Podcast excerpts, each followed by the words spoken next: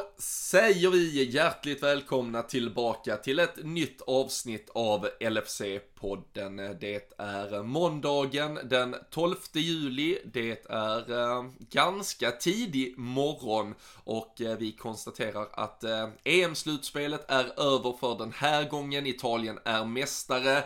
England vaknar upp i en eh, bakfylla fylld av sorg och eh, dessutom så har ju helgen eh, med eh, att den har passerat även sett slutet på det sydamerikanska mästerskapet Copa America och igår kväll började vi se bilder från Liverpool-spelare som anslöt till träningslägret i Österrike. Det är helt enkelt dags att göra ett landslagsbokslut och blicka framåt mot klubblagssäsongen som nu tar fart på allvar.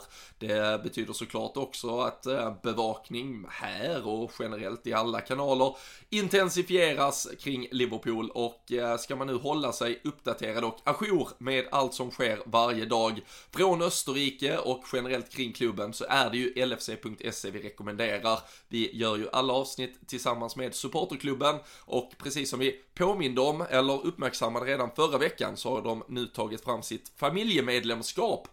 Och det är ju en eh, otroligt fiffig lösning för er där kanske en eller två är eh, väldigt eh, entusiastiska i sin support till Liverpool, men där man såklart vill väva in hela familjen under en och samma flagga där, den röda härliga Liverpool-familjen. Så in och kika på lfc.se, läs mer om deras familjemedlemskap så kan ni samla hela familjen som medlemmar i supporterklubben. Men ni gör det nog bäst om en timme eller så, för nu tycker jag att ni sätter er till rätta, lyssnar in detta första, ska vi säga då, nya avsnitt när säsongen verkligen sparkar igång här av LFC-podden.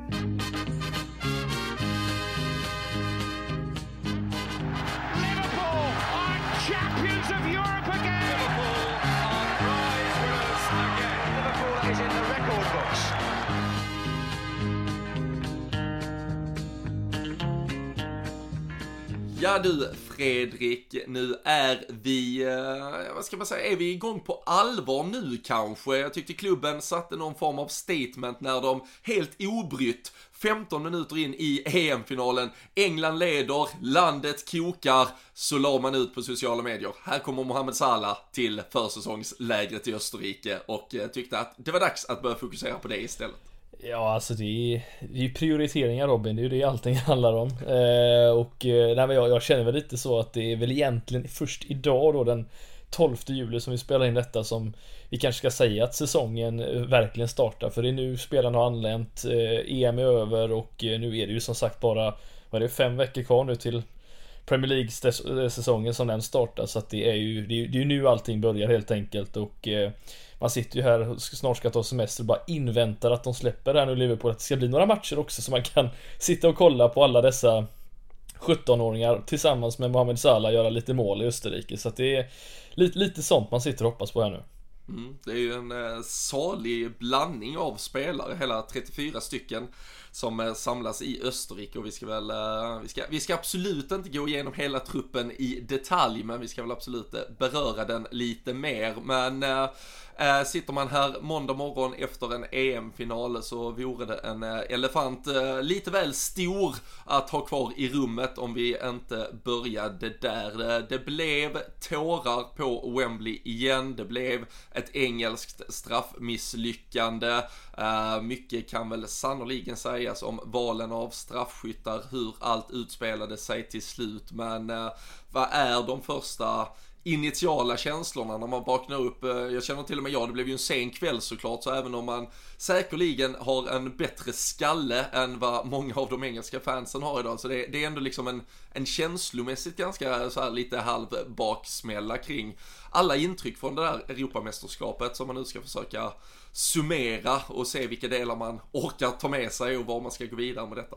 Ja, nej men det är ju det är ju hela den biten nu att man har fått uppleva ett, ett mästerskap och framförallt nu en final då med Även om det inte gick Englands väg så liksom 60, ja Ska vi räkna med dem som inte hade biljett så kanske det var en 80 000 där mm. Något sånt där eh, Nej men hela den grejen får ju en att sakna liksom fotbollen på riktigt Eller att man kom, Det kom tillbaka på det sättet nu man fick se fansen och hela den biten och ja, det, det, det, är ju bara ett bra kapitel att kunna ha här nu och sen gå in i Premier League-säsongen förhoppningsvis nu då med, med fans på läktaren också men det är ju det var ju ett, ett, bra mästerskap får vi ändå säga. Det var lite skrällar här och var och sen så framförallt fick ju det vackra Italien vinna som, eh, som jag tror både du och jag kanske ville skulle vinna här i slutändan ändå och eh, det slutar väl gott så sett men eh, sen är det klart när man har spelare som Jordan Henderson som var en del av truppen och även om inte han var en stor del av det här lagets framgång kanske den här säsongen eller den här turneringen så, så klart att man önskar de spelarna lite mer men tyckte ändå att det rättvist var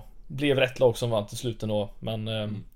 Jag vet inte om du känner samma men jag, jag tycker att eh, det De sköt sig lite själva i foten eller Southgate kanske gjorde det snarare Ja, nej, nej men jag håller med fullständigt och alltså jag har ju, äh, finns ju till och med familjeband i form av en, en mormor som, som kommer från äh, England och det var ju så från Liverpool specifikt och det är ju så liksom den engelska fotbollen först och, och Liverpool sen i synnerhet liksom eh, kom, kom, in i mitt liv och jag har väl alltid varje mästerskap haft något så här den, den klassiskt svenska anglofil-auran kring att man liksom ändå har någon vurm för det engelska landslaget.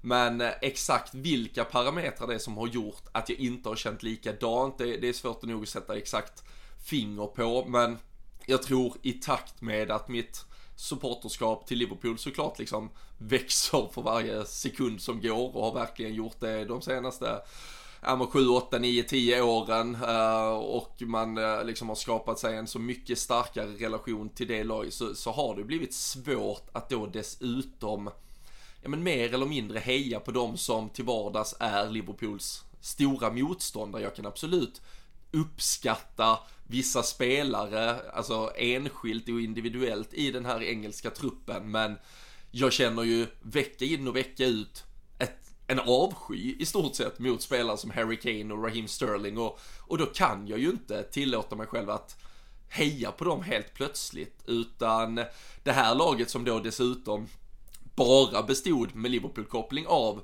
Jordan Henderson och där han dessutom inte spelade någon viktig roll alls i laget så, så fanns det egentligen ingenting kvar. Och eh, behövde man någon form av liksom tipping point kring om man kände något för det här laget eller inte så, så var ju scenerna det finns ju absolut en del av engelsk supporterkultur man gärna romantiserar och som säkerligen har fått både dig och mig och alla som lyssnar att liksom utöka sin kärlek till engelsk fotboll, liksom med pubsorl och hur det sjungs och armkrokar hit och dit. Men, men bilderna man ser utanför Wembley, hur det liksom, eh, man eh, fullständigt forcerar portar och Eh, Äh, det slåss mot ordningsmän och det, det slåss mot folk och det är familjer som står liksom i tårar som har betalat flera tiotusentals kronor för de här matchbiljetterna och själv inte får någon upplevelse alls av det som skulle varit liksom den största kvällen kanske i, ja, men i deras liv egentligen. Och då, äh, det, det, det blev för mycket och sen, ja, det, sen kommer det som ett jävla brev på posten med med de spelarna som missar sina straffsparkar och hur det liksom rasistiska svansen kommer fram på sociala medier efteråt och jag känner bara alltså det är en nation som leds av Boris Johnson och allt jävla brexit-skit som har med det. Nej, det, det här var första mästerskapet där jag väldigt lätt inte kände så mycket med England så eh, jag, jag kan verkligen bara gratulera Italien till den framgången. Jag tyckte också de redan från liksom första matchen, visst mot ett väldigt svagt Turkiet, men satte, satte en stämpel på liksom ett, ett sätt att spela fotboll det här mästerskapet. Och man får väl citera Hasse Backe med att det kanske kan bli stilbildande framöver, men äh, de, var ju, de var ju otroligt bra. Och äh, ja, men många spelare som för en gång skulle i ett italienskt landslag vara ganska lätta att älska på grund av att det liksom är ja men det, det, är ju, det är ju inte den typiska italienska spelaren från kanske när vi växte upp och började fastna för fotboll, mm. utan de här Fede Chiesa med flera liksom, det är ju det är, det är arbetshästar och maskiner som dessutom toppar det med liksom en slutprodukt. Så nej, äh, bara att gratulera Italien. Jo, nej, men man, man blir ju så glad som, som, som fotbollsälskare också att, att, inte, att det var den typen av fotboll som vann. Så jag, jag måste ju säga det att jag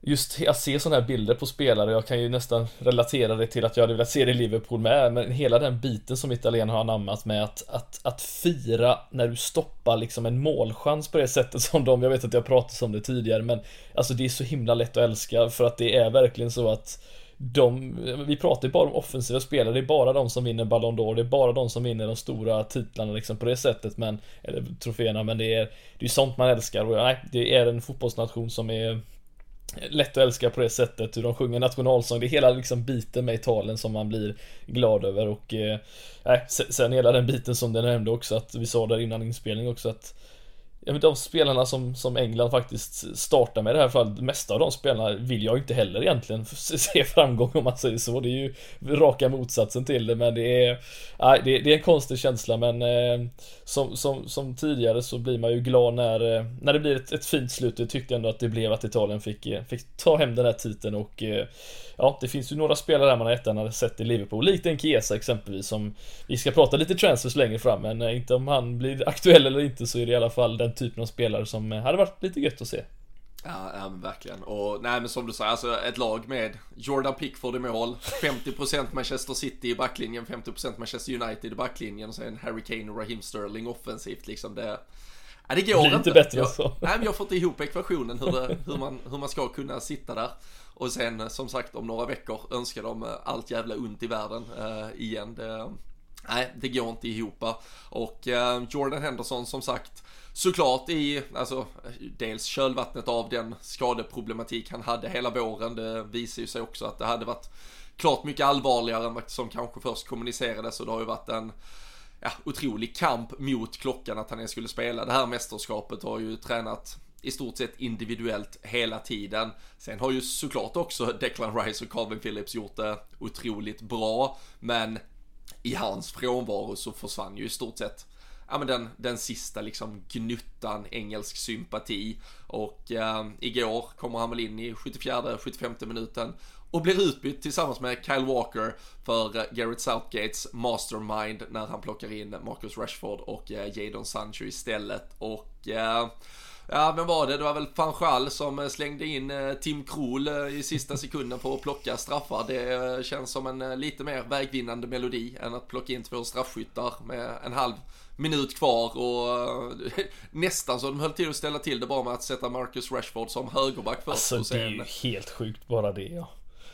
Ja. Jag vet inte riktigt vad man ska säga om det. Alltså sitter vi och snackar om att ah, Trent kanske inte får en plats. Men så avslutar man en final på, på Wembley hemma mot Italien med Rashford som ytterback som du säger. Det är, det är upplagt för misär, det är ju det det är. Men eh, nej, eh, det var som sagt, nu blev inte min tweet som jag la upp igår så viral som jag trodde den skulle bli men eh, jag, jag förutspådde ju att, eh, att det skulle bli det värsta som skulle hända för Rashford och eh, Sancho men alltså, man, man, har ju följt fotboll så länge Robin så att man liksom kan förutspå sådana här grejer. Det är liksom inget chockerande längre att Nej. man vet att det finns någon, det finns någon fotbollsgud där uppe som som ibland bara vill någonting annat och det, det här var ju exakt det som, som han ville i slutändan eller hon vad det nu är för kön på den men det är Nej, det var upplagt Nej, alltså, för att det alltså skulle att bli så. Nej, och du, och du lägger ju sån jävla... För det första, som sagt, alltså, det, det kan alla som har spelat fotboll på hög nivå uttala sig bättre än mig om och det har de redan gjort i studios igår kväll och så här, just med liksom att du är inte...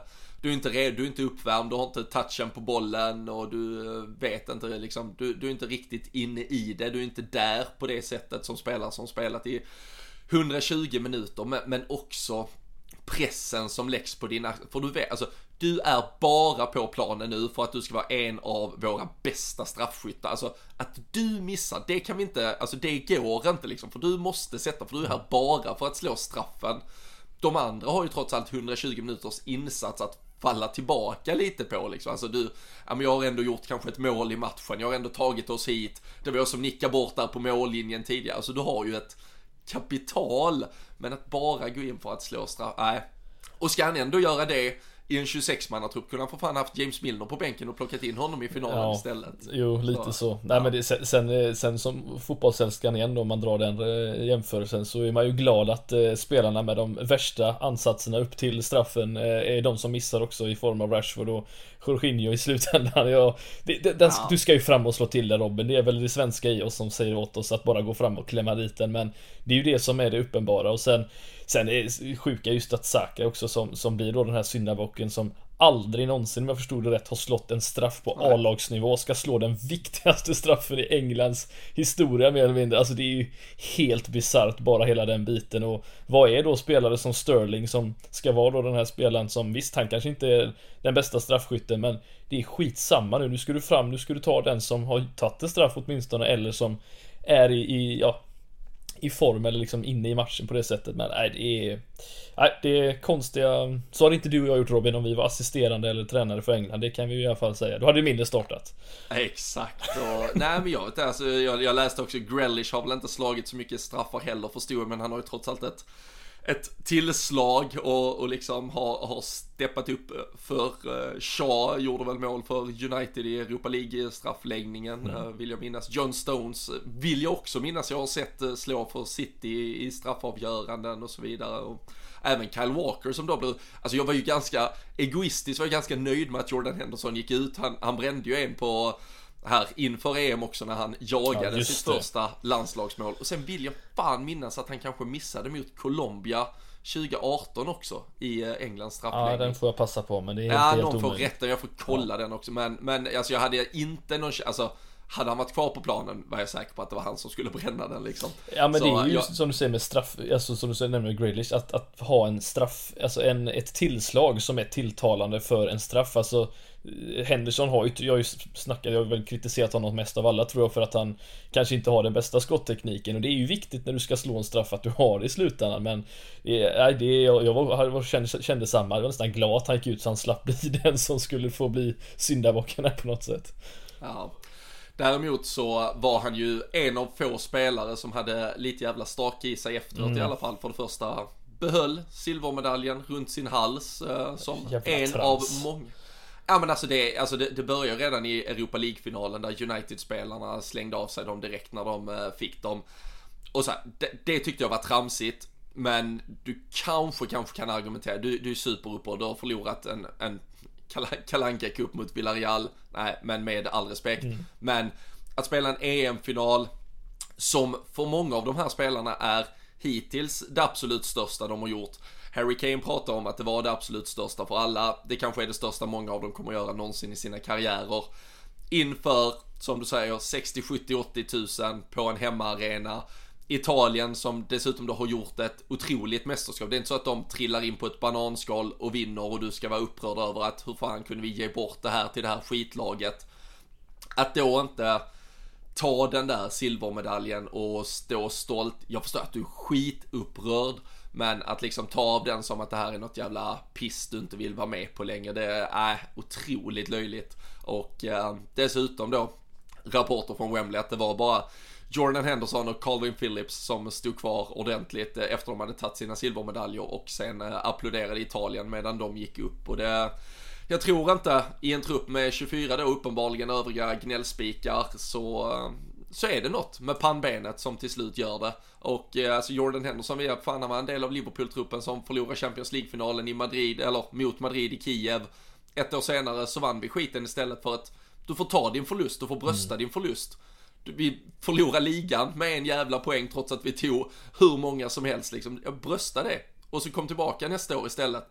Men det är så jävla, de ska vara så jävla gnälliga här så det Nej. Ja, det är den generationen Robin, det är fel på. Jag tror, jag, jag så helt ärligt, har, har du någonsin sett, gå tillbaka en eh, VM 2002 exempelvis, ta, ta Tyskland där exempelvis. Jag, jag har inget minne när jag satt och kollade om att de tog av sig deras silvermedalj bara för att de förlorade mot Brasilien. Det är, det är något nytt med att man ska tydligen vara, ska, det ska vara någon trend att man ska göra detta. Jag har ju sett det på senare år att många har gjort det, men jag har inte minne av att det har varit så tidigare. Men det är, nej, det är som du säger, man ska ta sin förlust som en man och sen helt enkelt eh, komma tillbaka starkare som Henderson som du nämner här och det är, det är, ett, det är ett ganska bra exempel på vem han är också eh, nu när vi kan prata om Jordan Henderson som, vad är det, sex år nu som kapten i Liverpool och eh, hela den biten. Det är Det är skillnad på spelare och spelare, det kan vi. Eller människa och människa kanske vi ska säga också. Ja, ja det kändes ju inte helt överraskande att han var först fram till, åtminstone vad som gick ut i svensk media var han ju först framme vid intervjumikrofonen mm. efteråt också och, och talade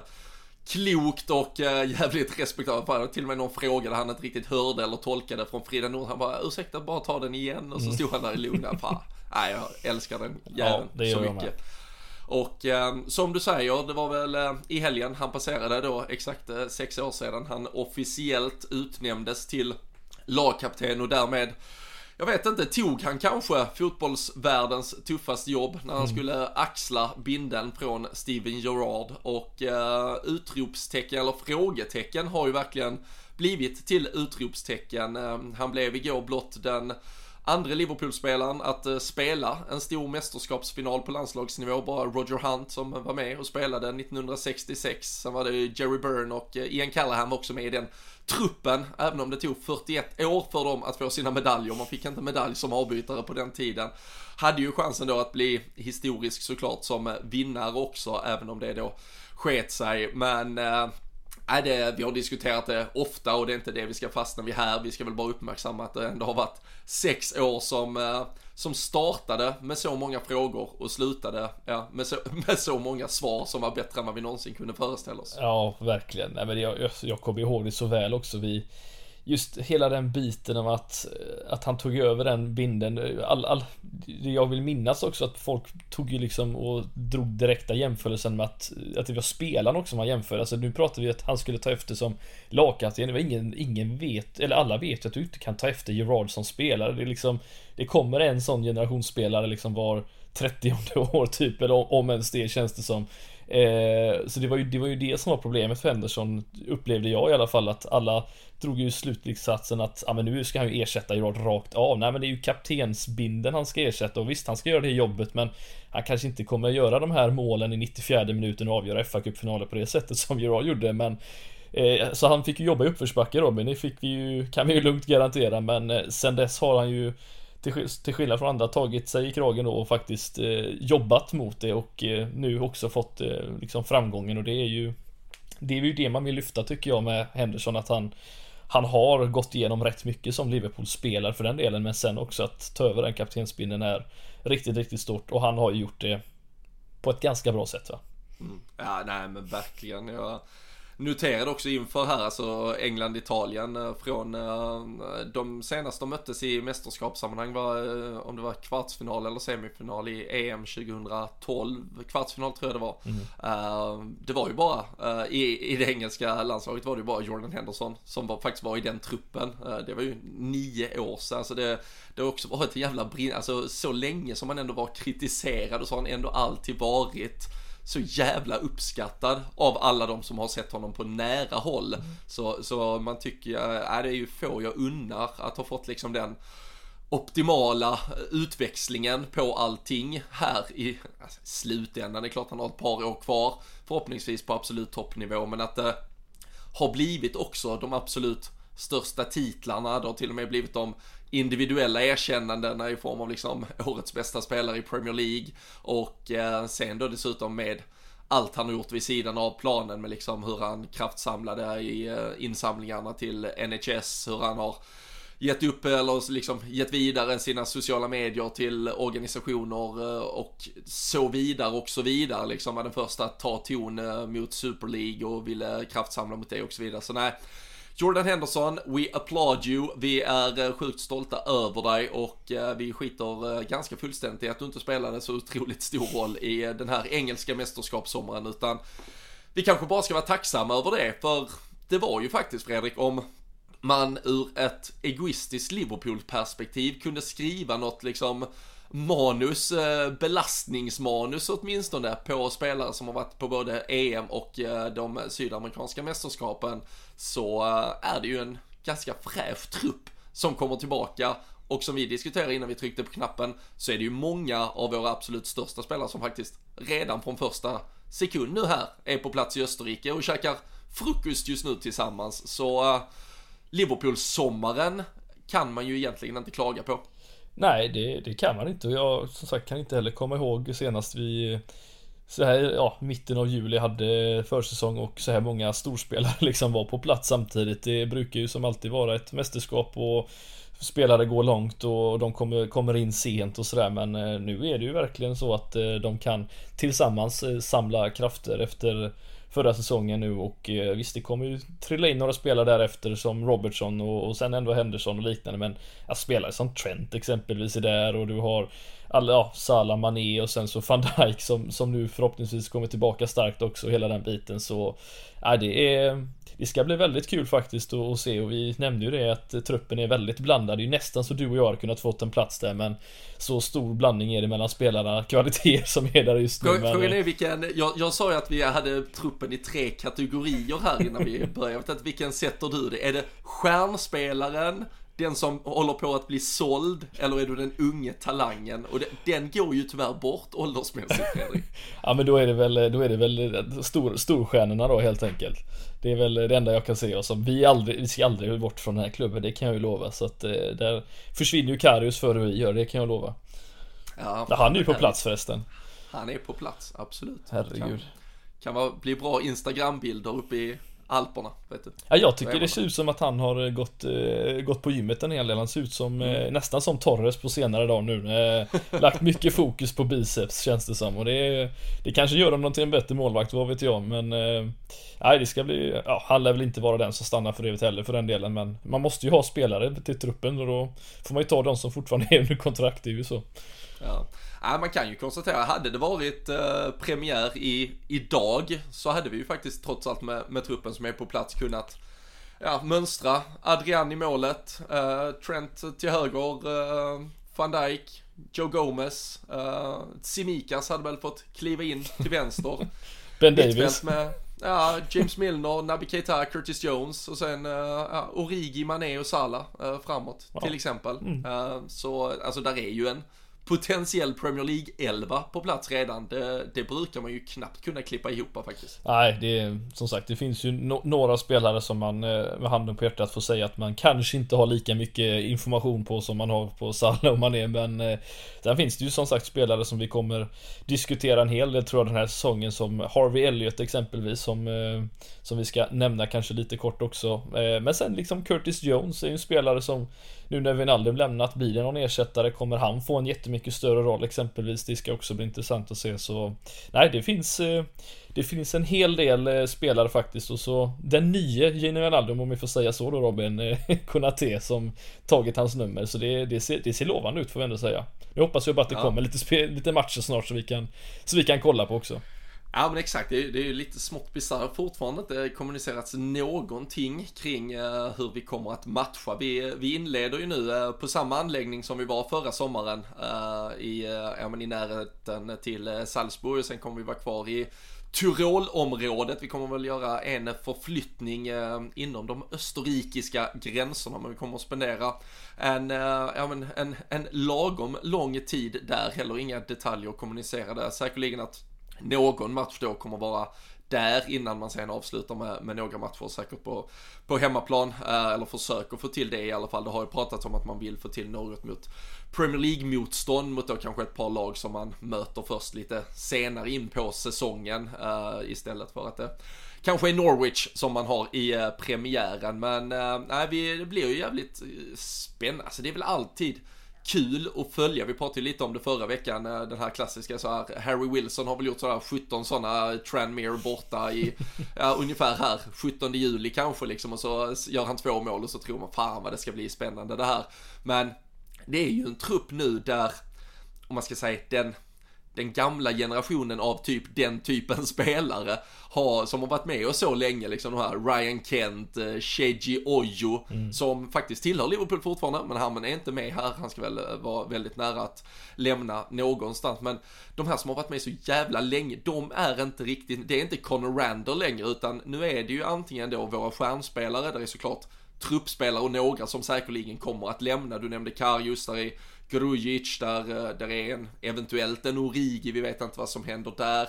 Där finns ett par spelare till, en Minamino och så vidare. Men, men sen är det ju en ny generation av de här unga spelarna, 17-18-åringarna som kliver upp i truppen. Vi, eh, vi gjorde en sammanställning på LFC.se i slutet av förra veckan där man kan läsa mer om alla de här, men framförallt så känns det ju som av de som har fått lite hype kring sig så är det ju Connor Bradley, eh, ytterbacken som sägs vara redo att kanske vara en del av en A-trupp ifall nu Neco Williams eh, försvinner och flaggats lite för att han vill vidare. Och sen så ska det ju framförallt bli, alltså Harvey Elliott kan vi inte räkna som en av de här unga spelarna även om han absolut är det åldersmässigt men offensivt så är det också Cade Gordon och eh, Matteus Musialowski eh, som eh, känns eh, superspännande. Så eh, ja, men det ska bli, och framförallt då som du säger, alltså med tanke på att Salah och Mané, de ska också spelas igång, så många av de här unga kommer faktiskt få spela lite med den typen av spelare. Normalt sett så är det ju bara ett hopkok av alla de där unga och det blir så svårt att tolka någonting. Men framförallt till exempel att få se Harvey Elliot kanske med både Salah och Mané på försäsongen. Det kommer ju vara otroligt spännande. Ja, jag satt precis och tänkte det hade varit jäkligt kul att se en, eh, ja men tänk dig en Mané till vänster, en Harvey Elliot till höger och så en Salah som drar i djupled och så har man, ja men det, det är lite som sagt spännande att se även om matcherna betyder noll och ingenting på det sättet så, så måste de ju spelas ihop och vi får ju se hur, hur stor roll exempelvis som Elliot spelar, om han är en del av truppen eller om han lånas ut igen. Vi får ju se lite vad som händer där nu är han ju i alla fall eh, långtidskontrakterad med, med oss så att det är ju, nu kan man ju liksom börja det ytterligare då men det är, eh, ska bli jättekul att se faktiskt vad vad Klopp kan eh, hitta på vilka eh, kombinationer men det finns ju några spelare helt klart som du, som du nämnt där och som ska bli kul att se som kanske får en större roll än vad vi, vad vi trott kanske.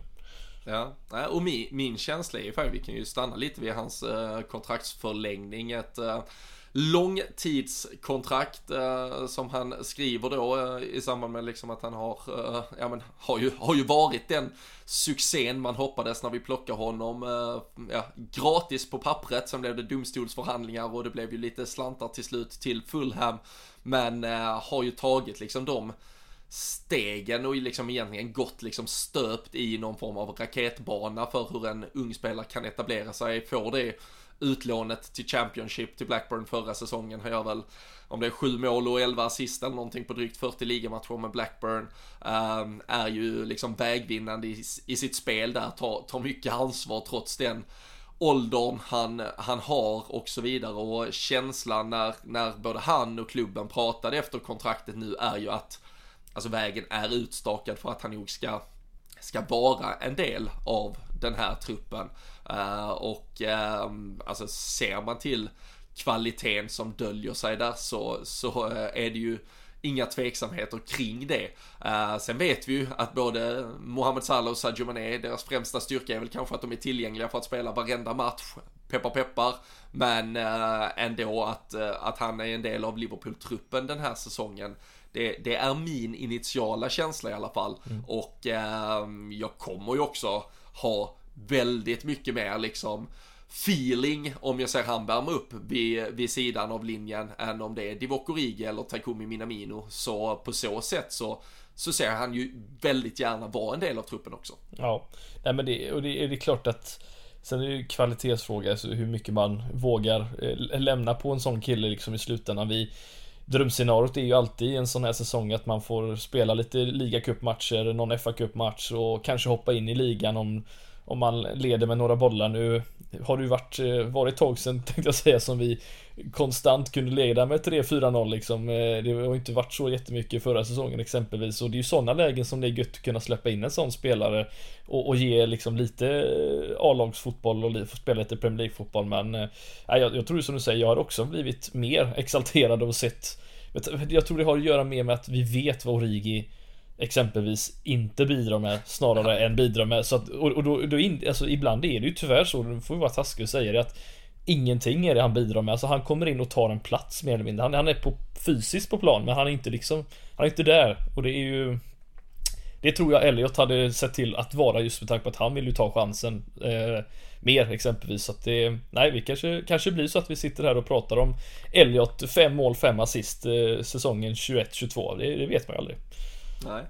Och eh, från en eh, Liverpool-supporter som eh, Harvey Elliot är eh, sedan barnsben. Han pratade ju om det i eh, ja, en intervju med officiella hemsidan här i samband med kontraktsförlängningen. Stoltheten både för han och hans familj att eh, nu skriva detta kontraktet, att eh, för, förbinda sig till klubben han älskar så länge så eh, är ju inte steget längre än att man eh, ganska snabbt kan eh, ta sig till Ibrahima Konatés eh, bakgård i eh, Frankrike och eh, hur han själv firade presentationen av att han nu kommer att bära tröja nummer 5 för Liverpool. Det var bland de mäktigaste scenerna man såg, när man såg framförallt den här liksom oklippta varianten som kom ut på sociala medier först och främst. Där någon liksom bara filmat vad, vad fan det är som händer här på någon liten bakgårds eh, fotbollsplan i La Roquette i eh, Frankrike. Det, äh, det, var, det var scener Fredrik, jag, jag tror alla har sett det liksom, Ja. så vi behöver väl inte referera till det eh, mer än så. Men eh, alltså ja, har vi, har, vi, har vi haft något nyförvärv som har verkat så förtrollad av klubben han ska ansluta till? Vi pratade om hans barnkalas senast. Och, och nu Vattenflaskorna. detta. Ja, nej det, jag tror faktiskt inte det och det är det är ju jäkligt kul att se. Man, eh, det, är, det är väl som man säger, glöm aldrig var du kommer ifrån. Och jag tror att eh, många av de här spelarna som kanske då växt upp under eh, vissa förhållanden som inte varit lika lätt som, som du och jag kanske haft det så, så glömmer man inte det och man uppskattar det på ett helt annat sätt och jag tycker det är fantastiskt att man gör det på det sättet och det är äh, det är så kul, var det någon Gucci-väska som kommer in där med liksom in på planen och så Ja, jag vet inte om det var hans nu, tror, Lundberg. nu tror jag att Jocke Lundberg kommer att bli arg på dig om jag inte rättar att det var en Louis Vuitton-väska. Ja, ja, okej, ja, ja, men eh, en, en, en, det var ingen ICA-väska i alla fall, det kan Nej, vi, kan vi Han, han hade inte råd med plastpåseskatten så han fick ta Nej. en väska istället. eh, i, i äkta krokodilskinn, det är mycket lättare så. Exakt. Eh, nej men liksom hela den biten att komma in där och så sätter man sig där och så lyfter man fram och lite konfetti eller vad fan det var som kommer fram. Bengala, hela Bengal. stället brann för helvete.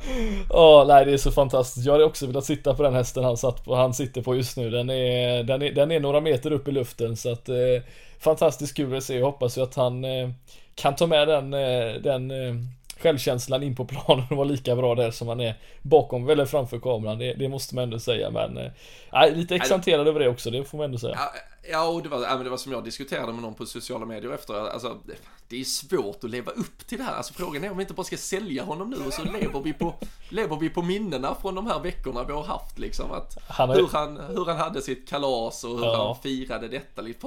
Alltså han kan ju mycket väl liksom gå in och, och snubbla eller göra självmål i, i debuten också. Då, då försvinner ju den här. Mm. Eller så går han ju in och är en jävla van Dijk-kopia bredvid honom och så släpper vi inte in ett mål nu på 4-5 år. Men eh, ja, det är, alltså vi, vi börjar på höga nivåer här känner jag. Ja, men nu när vi har sett detta blir, eh, blir man ju inte lite besviken på att man inte fick se en Ben Davis göra likadant när han kom till klubben exempelvis eh, i Preston. Alltså det har ju varit en... Hur hade de scenerna sett ut? N- nere på lokala Tescon i Preston så här, "Ha, Guys, come here, I'm gonna, gonna do a presentation. Ha, hi, anyone here? Ja, nej, jag, jag tror Konate kommer bli en, eh, kommer bli en succé. Det tror jag, men det är som du säger, nu har han, nu har han liksom startat innan han har ens tagit på sig tröjan mer eller mindre så har han redan startat med det här på det här, på det här fantastiska sättet så att han får gärna fortsätta där och inte starta liksom på ett sånt sätt som man kanske annars kan eh, Ja, om vi, pratar, vi pratar om fotbollsgudar, att saker är menat, men eh, jag hoppas ju inte att det betyder att man eh, får skit sen, men nej, han känns han känns ordentlig, så jag hoppas att han kan fortsätta vidare där, men det är kul i alla fall att vi fick se honom i tröjan nu, och den framförallt vackra tröjan Robin. Ja, Den snyggare av dem. eh, Frågan är om eh, vi ska eh, diskutera den eh, lite kort. Eh, Du eh, har ju flaggat upp tidigare för att det kanske är den snyggaste tröjan Liverpool någonsin har burit och eh, nu är ju andra tröjan eh, officiell. Går i eh, någon form av eh, gråbe. Jag fick precis ett pling från DHL att den finns på mitt Ah, utlämningsställe. min Så- kommer imorgon. Jag, ja men min skulle också komma imorgon, det stod den 13 men uh, fy fan du. Du Eh, betalar, tack- du, du har ju råd med expressfrakten vet du, det har inte jag, så det kan ha jag, med jag att tog bara, och grejen är att när jag beställde den stod det den 16 juli och jag åker iväg på lite semester här den 15 så jag var så jävla rädd att jag inte skulle, och då kände jag bara så här, fan slösig, då kan jag nästan köpa den efter istället. Men sen förstår jag, den här kommer sälja slut, det här, jag kommer inte vilja eh, klydda. Nej. Så klicka hem den och eh, nyss eh, fått eh, sms. Så jag, jag, jag ska väl ta och hämta den efter vi har eh, spelat färdigt. Så tänker jag, lägger jag mig i sängen och tar någon fin bild till dig. eh, Gör det. Bak, Ja, jag behöver en ny, ny eh, bakgrundsbild på Bak- telefonen. telefonen. Eh, Tjejen kommer bli, he, absolut inga misstankar kring varför du har Absolut mig inte. Nej, liggandes nej. i Hon, liverpool hon kommer förstå när hon ser tröjan. Ja, absolut. Men, äh, den är ju, den gör ju den här grå, alltså alla toner som egentligen finns på så många byggnader i, i Liverpool såklart. Royal Liver Building nere vid vattnet, ja, men med flera.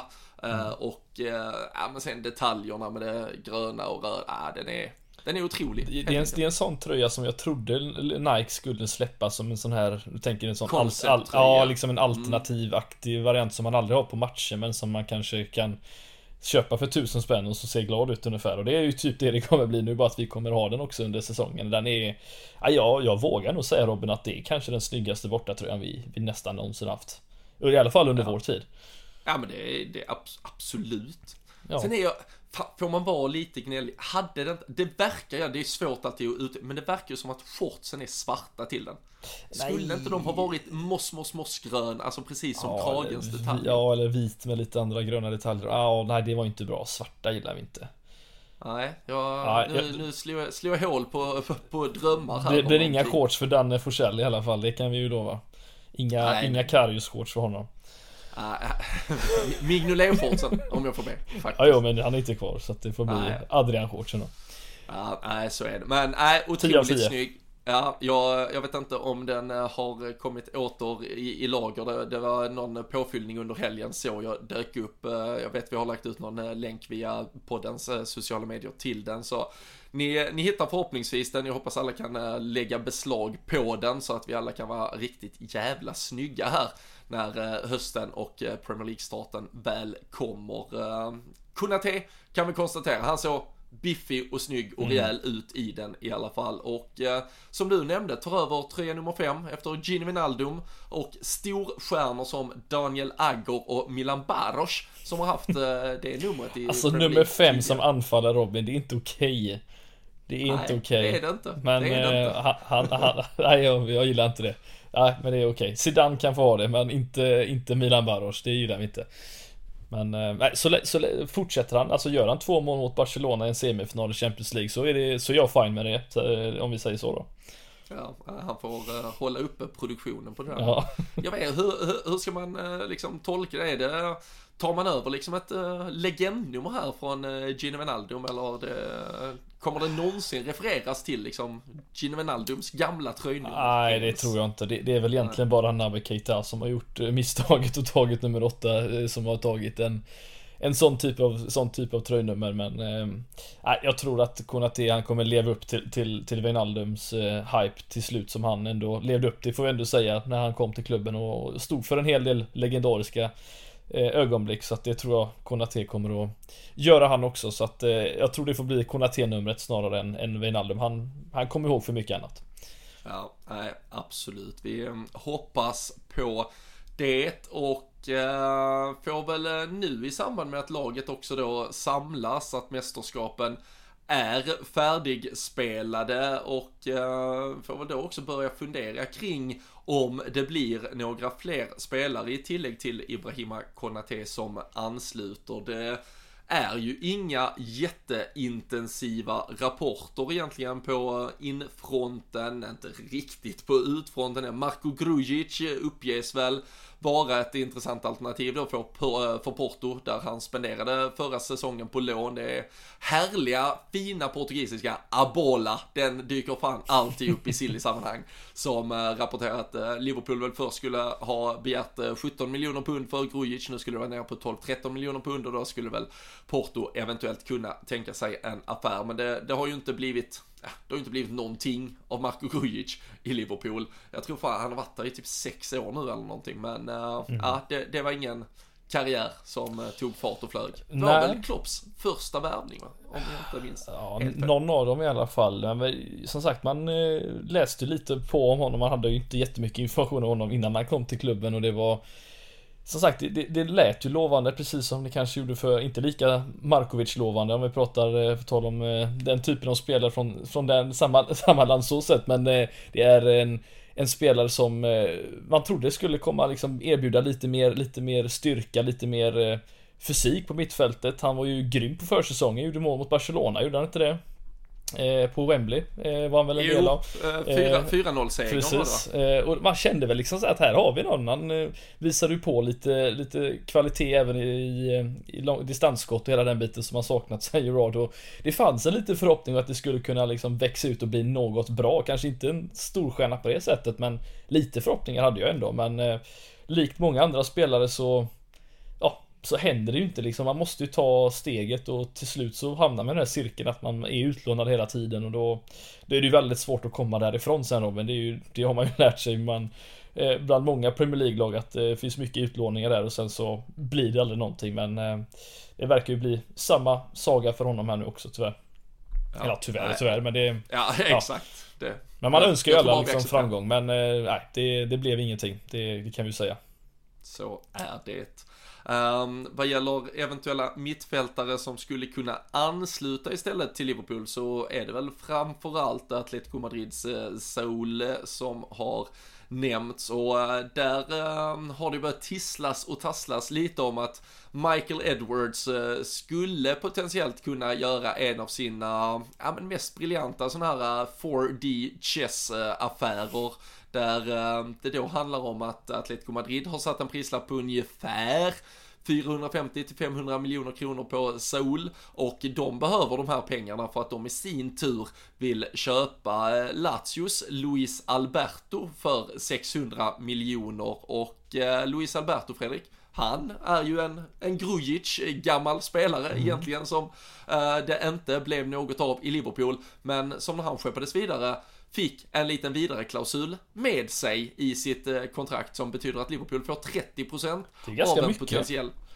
Ja, det är väldigt, väldigt, men det måste ju också ha undertecknat hur mycket potential man ändå såg i honom, mm. men man visste att man, man skulle aldrig ge, kunna ge den chansen att blomstra på Merseyside liksom. Alltså man ja. visste att här är en jävla spelare, men vi kommer inte kunna få fram den just nu. Alltså vi är någon annanstans i vårt bygge helt enkelt. Ja, nej men alltså vi får ju säga för de som inte har sett Serie A kanske supermycket så Luis Alberto har ju verkligen bara alltså tagit ett, ett supersteg i, i Lazio med kelkompisen Lukas på mittfältet. Det är ju eh, Alltså assistkungen får vi väl kalla honom. Han har ju verkligen tagit en helt ny nivå. En nivå som jag, om jag ska vara helt ärlig, inte trodde han skulle, skulle nå. Men eh, jättekul att han har gjort det och eh, som sagt värderas ju rätt, rätt högt egentligen. Och det är ju det som troligtvis då kan hjälpa oss i det här fallet då med någon vidare köp. Och det är lite så Liverpool får jobba Robin känns det, känns det nu. Nu har vi lagt våra pengar på Konate och så får vi väl hitta andra lösningar. Och som du säger det här kan ju potentiellt då bli en en, en bra affär om det nu skulle bli av. För eh, visst Saul har det kanske inte pratats om lika mycket som det gjorde för en kan det ha varit en fyra år sedan, tre, fyra år sedan kanske. Då var det ju en spelare som i Champions League eh, verkligen eh, stod för både briljanta mål mot Bayern München i Champions League, men som också var en, en stor del varför de vann ligan och några år tidigare och det var ju, nej, alltså en spelare som verkligen håller jättehög klass. Eh, lite chockad faktiskt att det är just han det, det ryktas om, men vet inte riktigt vad, vi behöver ju mitt, mittfältare och eh, det är ju en, framförallt en riktigt spelskicklig sådan så att, eh, vad tror du själv? Är det något du hade hoppats på eller är det, är han förbi? Nej, nej, alltså förbi, jag, jag tror inte vad är han, 20, 26, 27, ja. uh, något sånt. Uh, sen, sen har han ju som du säger, han har ju varit med ganska länge i det här liksom Simeone Atletico. Mm. Uh, men är ju en spelare absolut stöpt för att göra ja, men både arbetsinsatsen och eh, dessutom ha den eh, tekniska kvaliteten att eh, utföra liksom ett, ett, ett fullgott arbete på, på ett Liverpool mittfält. Så det är säkerligen en, en jättebra värvning om, om vi får till den och för att liksom avsluta det eventuella liksom dominospelet som, som skulle kunna bli verklighet så är det ju då som sagt eh, en, eh, en Saul till, till Liverpool, en Luis Alberto till Atletico, vilket skulle frigöra om vi pratar om beloppen som det var. 180 miljoner tillbaka till Liverpool, då är vi nere på ett nettopris på 270 på Saul och sen pratas det ju dessutom om att Lazio då i sin tur skulle kunna vara intresserad av att köpa Sherdan Shakiri som uppges ha fått en prislapp på ungefär 150-160 miljoner och då, då är vi nere på att Saul i slutändan kostar oss 100 miljoner ungefär och eh, kan Liverpool få ihop den affären, då är det, då är det dags att, att börja liksom fila på, på adlingarna av eh, Michael Edwards. Det, det känns som det är liksom, det, det, är ett, en spelare eller en klubb för mycket inblandad i den här soppan för att han ska få ihop det.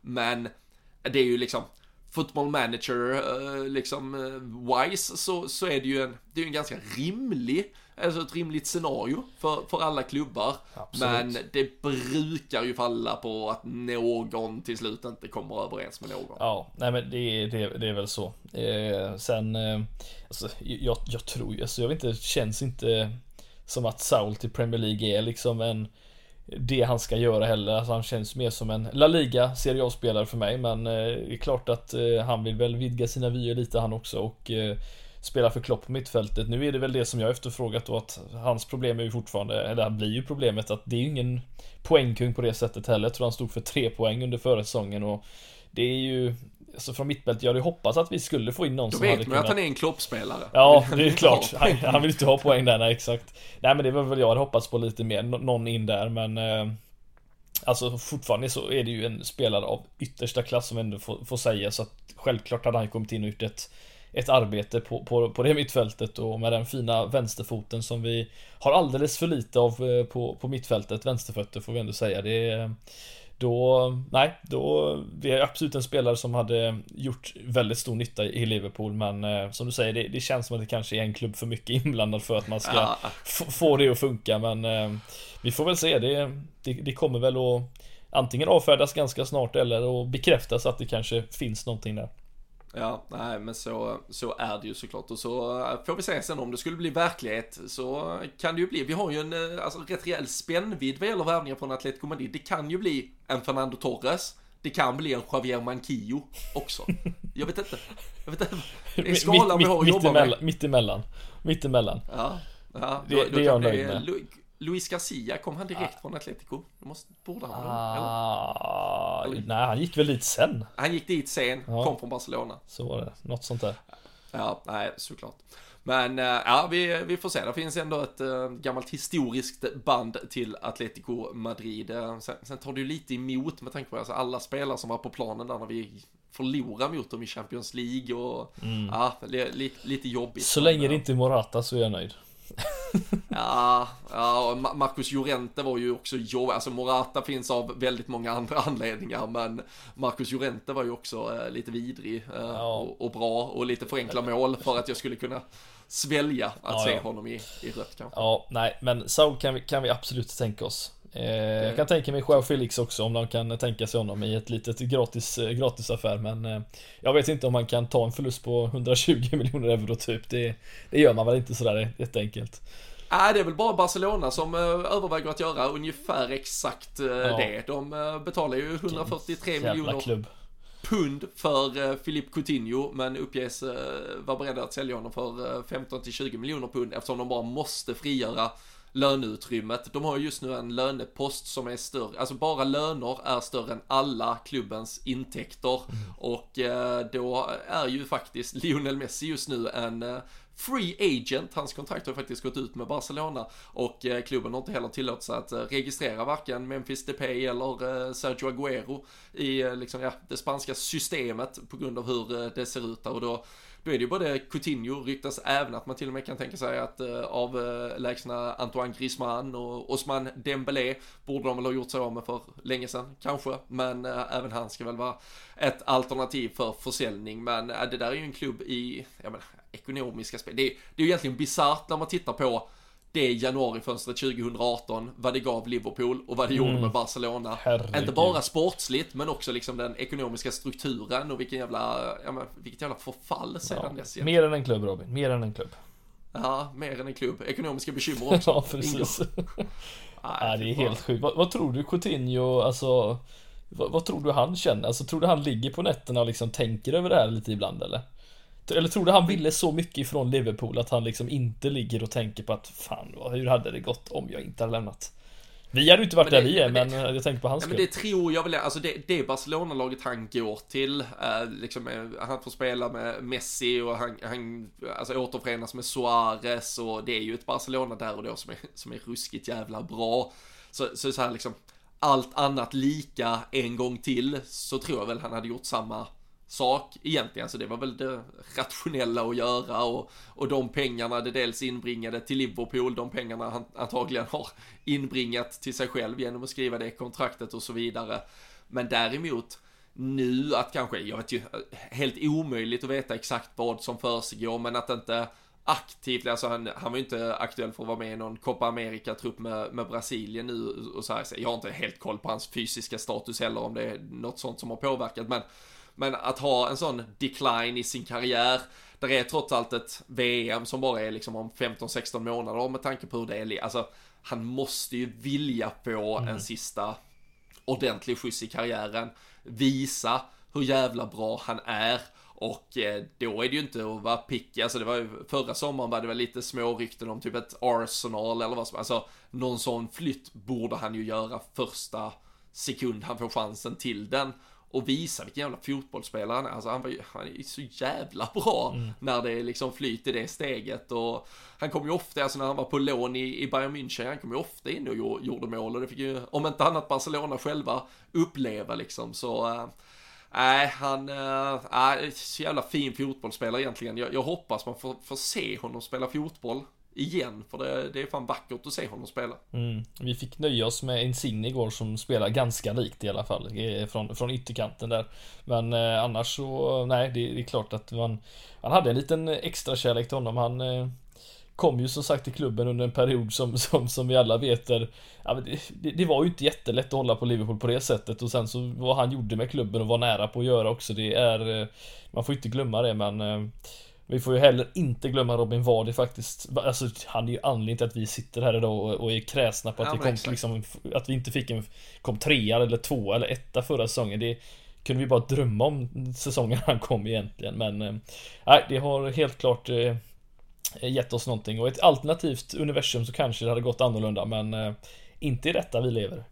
Nej, så blev det inte. Och eh, vi får väl se vad som händer med Filip Coutinho, vi får se vad som händer med dussinlirare som eh, Loris Karius och Marko Grujic och eh, andra, eh, Ben Woodburn med flera som vi kanske hinner se några dagar där på försäsongen men kan väl tänka mig att Liverpool letar ganska aktivt. Sen ska man ju komma ihåg då att nu är ju transferfönstret ja, åter till det normala vad gäller det att det stänger ju den 31 augusti och inget sånt här i samband med ligastarten som det var tidigare. Det har ju pratats lite om att eh, staben, eh, ledarstaben kan vara beredda att ge. De är ju berättigade till minst då tre veckors semester, alla som varit iväg på mästerskap här. Eh, nu har ju inte så många som vi pratar om spelat med så hög belastning heller, men kan ju vara att klubben eventuellt hade tänkt ge någon spelare eh, lite extra semester, då kanske man håller lite mer på någon spelare på utfronten, eh, sina, sina värvningar in.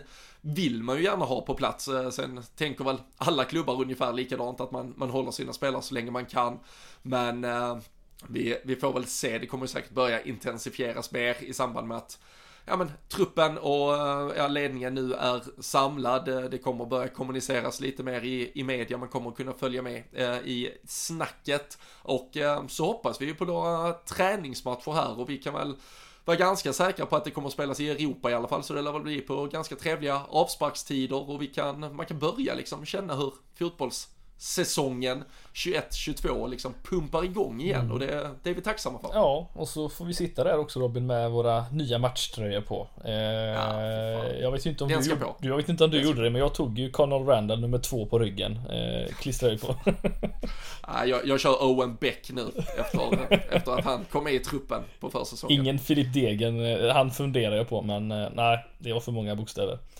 Ja, kanske, man kanske skulle gått lite old school. Det är ju en, eh, ändå en flört tillbaka till den där eh, champagnetröjan från, det är väl 96-97. Mm. Det var ju ett par... McManaman. Ja, en, Jamie Redknapp eller Patrik Berger ja, Berger var jag fin. också. På tal om vänster, fina vänsterfötter, vi pratade om precis med Saul. Det, där har vi ju en lirare. Jag trodde du pratade vänsterfötter på grund av att Hasse Backe vet att alla vänsterfötter kan slå frisparkar och straffar. Skitbra. Ja, det, det var ja, nej. Vi, vi, hade, vi, vi, hade, vi hade gjort ett bättre jobb än vad han gjorde. Med tanke på att Tom. Hanks var på plats igår också. Det var, får vi inte glömma. Mäktiga Tompa Hanks där i, ja, bredvid Beckham. Ja. Nej. Fy fan, det, det, det, var högt och lågt i EM-finalen, det var ja. det. Kvaliteten uh, på plan var bra i alla fall. Ja, och Björn Kuipers tycker jag kom ut med högsta betyg. Mm. Jävla fin domarinsats. Och vi, vi hoppas väl att eh, mycket av eh, ja, men lite VAR-tolkningar och offside-processer och så vidare, ja, att vi ser och lär där från eh, detta mästerskapet och ta med oss det in i Premier League-säsongen. Så man slipper, eh, slipper sitta och titta på sådana här eventuell touch på någon liten fot och då är det per automatik straff, utan eh, nej, det får fan vara lite tolkningar igen och är det inte straff i realfart så att säga så ska det fan inte vara det sen heller, utan nej, anamma väldigt mycket av vad vi har sett i det här mästerskapet. Det har varit väldigt, väldigt bra och så börjar vi helt enkelt förbereda oss för den nya säsongen. Liverpool är på plats i Österrike. Vi är på plats framför mikrofonerna när det händer något eh, stort och nytt i eh, vår lilla Liverpool-sfär. Vi eh, lider såklart med Jordan Henderson, men vi vet att han om någon kommer komma tillbaka starkare efter finalförlusten igår. Även vår brasilianska trio som åker hem tomhänta från Copa America, men där kan man väl Fredrik faktiskt unna Lionel Messi att få vinna en, ja, internationell framgång med sitt landslag också. Ja, det kan vi få göra. Den eh, bästa genom tiderna borde få vinna sådana titlar, även han. Så att eh, det, ja, det kan vi väl göra. Vi, man har väl lite så här känsla att ja, det var väl taskigt att sluta honom med 4-0 på Anfield. Så att han kan väl få en, en Copa America-titel eh, några år senare. Så att det, det är helt okej okay för min del. Ja, ett, uh, han har trots allt behövt spela med Filip Coutinho också, så det, ja. det har inte varit lätt. Nej, det har inte varit lätt. Nej. Nej, men äh, ni hör, äh, landslagsfotbollen lägger vi nu bakom oss. Vi blickar framåt mot säsongen 21-22. Jag ska pila ner och hämta min nya snygga Liverpool-tröja. Ni andra, ni får fortsätta ha en riktigt härlig vecka. Vi eh, kommer sprida ut oss lite på semestrar till höger och vänster i, eh, i Sverige och lite överallt här. Men dyker det upp något eh, spännande och stort från Liverpool då kommer ni säkert höra från oss. Annars så håller ni er alltid uppdaterade på lfc.se. Så håll koll och ta hand om er där ute så hörs vi och ses vi snart igen.